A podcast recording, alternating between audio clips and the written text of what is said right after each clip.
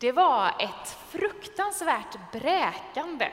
Jag och mina vänner vi hade gett oss in i en fårhage för att plocka grenar och blommor till några kransar som vi skulle binda till dekoration nu i maj. Och jag insåg att får är betydligt större än vad jag tror. Och jag blev ganska så, jag fick en respekt för dem, även om de är otroligt fredliga och ett sant flockdjur. Och som alla flockdjur så håller de ihop, eh, därför att det är så de överlever i det vilda.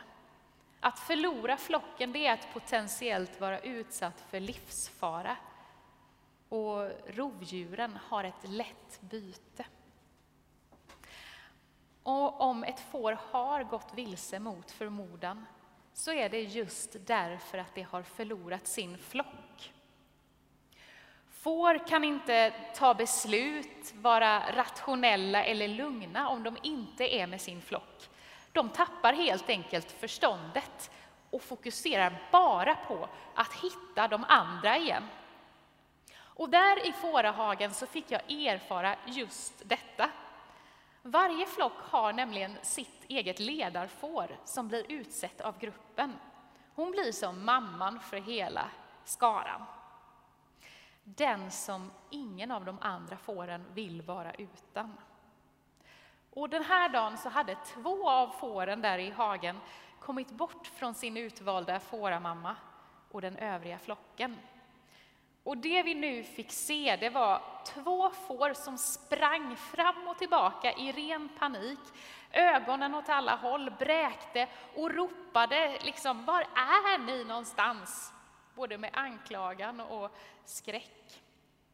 Och för oss som såg på när de här fåren sprang till höger och vänster i sin hage och som inte var i panik, så var det liksom självklart åt vilket håll de här fåren skulle springa.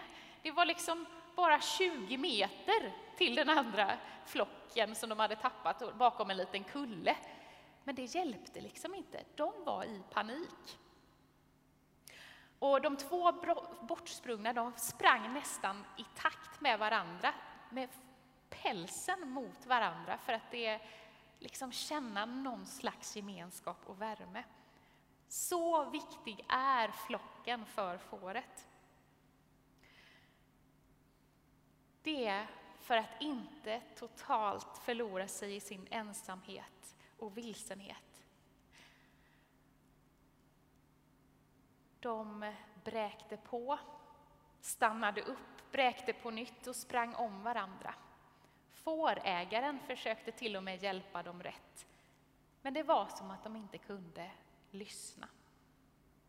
Och fastän fårahagen inte var stor så räckte det för att vara i panik. Inget farligt kunde hända dem, men det var som det var. Paniken över att vara vilsen kan var och en som någon gång har blivit borttappad vittna om. Liksom paniken över att tappa bort något värdefullt, eller ännu värre, någon värdefull. Där är paniken minst lika stor som att vara bortsprungen själv. För människan, vi är, om inte exakt på samma sätt som fåren, ett flockdjur. När människor som älskar varandra ofrivilligt hamnar bort från varandra så är det alltid förenat med att det enda som blir aktuellt det är att söka efter den som är försvunnen. I Göteborg 2012 så försvann två personer ofrivilligt. Och detta ledde till att ett flertal människor började samlas för att hjälpa polisen att leta i sökandet. Och det blev starten till det som idag heter Missing People. Jag vet inte om ni har talat om den organisationen. Men det är i vilket fall en ideell organisation som tar sig an att söka efter människor som inte är frivilligt försvunna. Och engagemanget från sökande medmänniskor är stort. Det finns över 60 000 anmälda sökare i Missing People. Och de arbetar med skallgång, sökarhundar. De har terrängfordon för att ta sig fram där det annars är svårt. Deras strategi är att inom sex timmar så ska det finnas allt som behövs för att starta ett sökande efter den försvunna, oavsett när på dygnet som anmälan kommer in. Det är frivilliga som ger av sin tid till att söka efter försvunna. Och deras vision är att ingen enda ska försvinna ofrivilligt utan att hittas igen. Deras vision berör mig.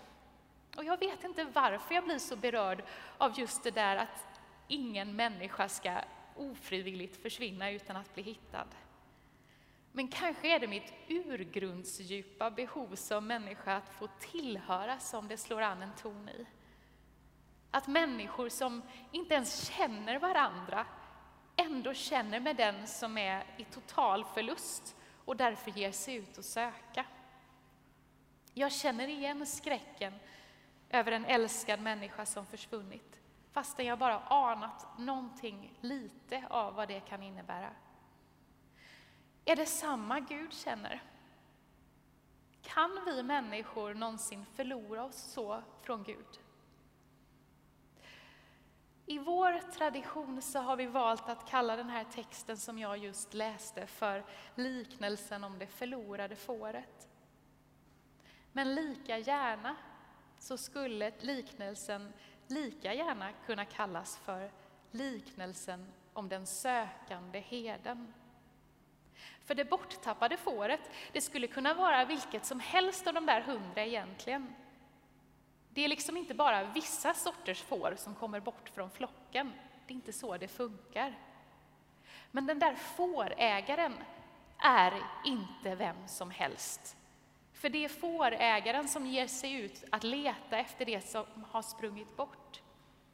Som vet hur unikt det är och som inte tänker att ja, men jag har ju 99, det får räcka. Varför skulle det räcka? Det är ju ett specifikt får, ett som fårägaren känner och det är nu borta. Värt att lämna 99 för att söka. De har ju dessutom varandra. Heden vet att ett får som är bortsprunget är rädd och det behöver igenkänning för att inte springa bort igen i panik. Det kan inte vara vem som helst som letar. Och det blev också tydligt för mig den där dagen i fårhagen med de där två fåren som lyckats tappa bort sig i sin egen hage. Den enda som kan hjälpa är den som verkligen känner fåren och som fåren också litar på ska leda dem rätt. För även om man till och med har gått vilse i sin egen hage och till slut kommer att hitta rätt, för att det är liksom inget annat som är möjligt, så är känslan av vilsenhet när den tar över total och inte alltid rationell. Jesus är som den där heden, den som söker, den som talar lugnt. Ibland är det bara Gud själv som kan locka människan till sig. Den som tror sig vara utanför, eller som är utanför, som är borta. Gud vet med vilken försiktighet eller rättframhet eller vad det är just du, just jag behöver för att bli funnen.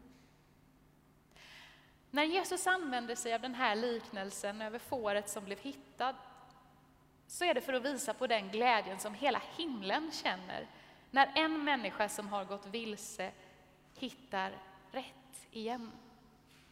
För att visa på att för Guds del så spelar det ingen roll vems fel det var att fåret försvann från början. Skuld, skam och synd väger oerhört lätt i jämförelse med att höra ihop. När kärlekens väg väljs igen på nytt eller för första gången, då jublar Gud. För felet kanske inte bara handlade om fåret. Gud ser med andra ögon på den som är bortsprungen. Gud vet att det är ett lidande att vara bortsprungen, både för den som är borta och den som älskar den som är bortsprungen. Vi som är i kyrkans fårahage, även vi tappar bort oss ibland. Vi tappar bort riktningen i livet, vart vi är, vart vi ska, vad det är vårt hjärta säger till oss, vad Gud säger till oss. Men när du själv känner dig borttappad, så lita då på att Jesus är ute och letar efter just dig. För du är det där fåret som är värt att lämna de 99 andra för. För det kanske är så att det inte bara är vårt hjärta, så som Augustinus sa, som är oroligt tills dess att det funnits ro hos Gud. Kanske är även Guds hjärta ängsligt, moderligt brinnande för var och en av oss. Sökande och oroligt tills dess att vi är funna. För jag tror att också Guds vision är att ingen enda människa ofrivilligt ska kunna försvinna utan att bli hittad igen. Så att vi får jubla tillsammans i återseendets glädje.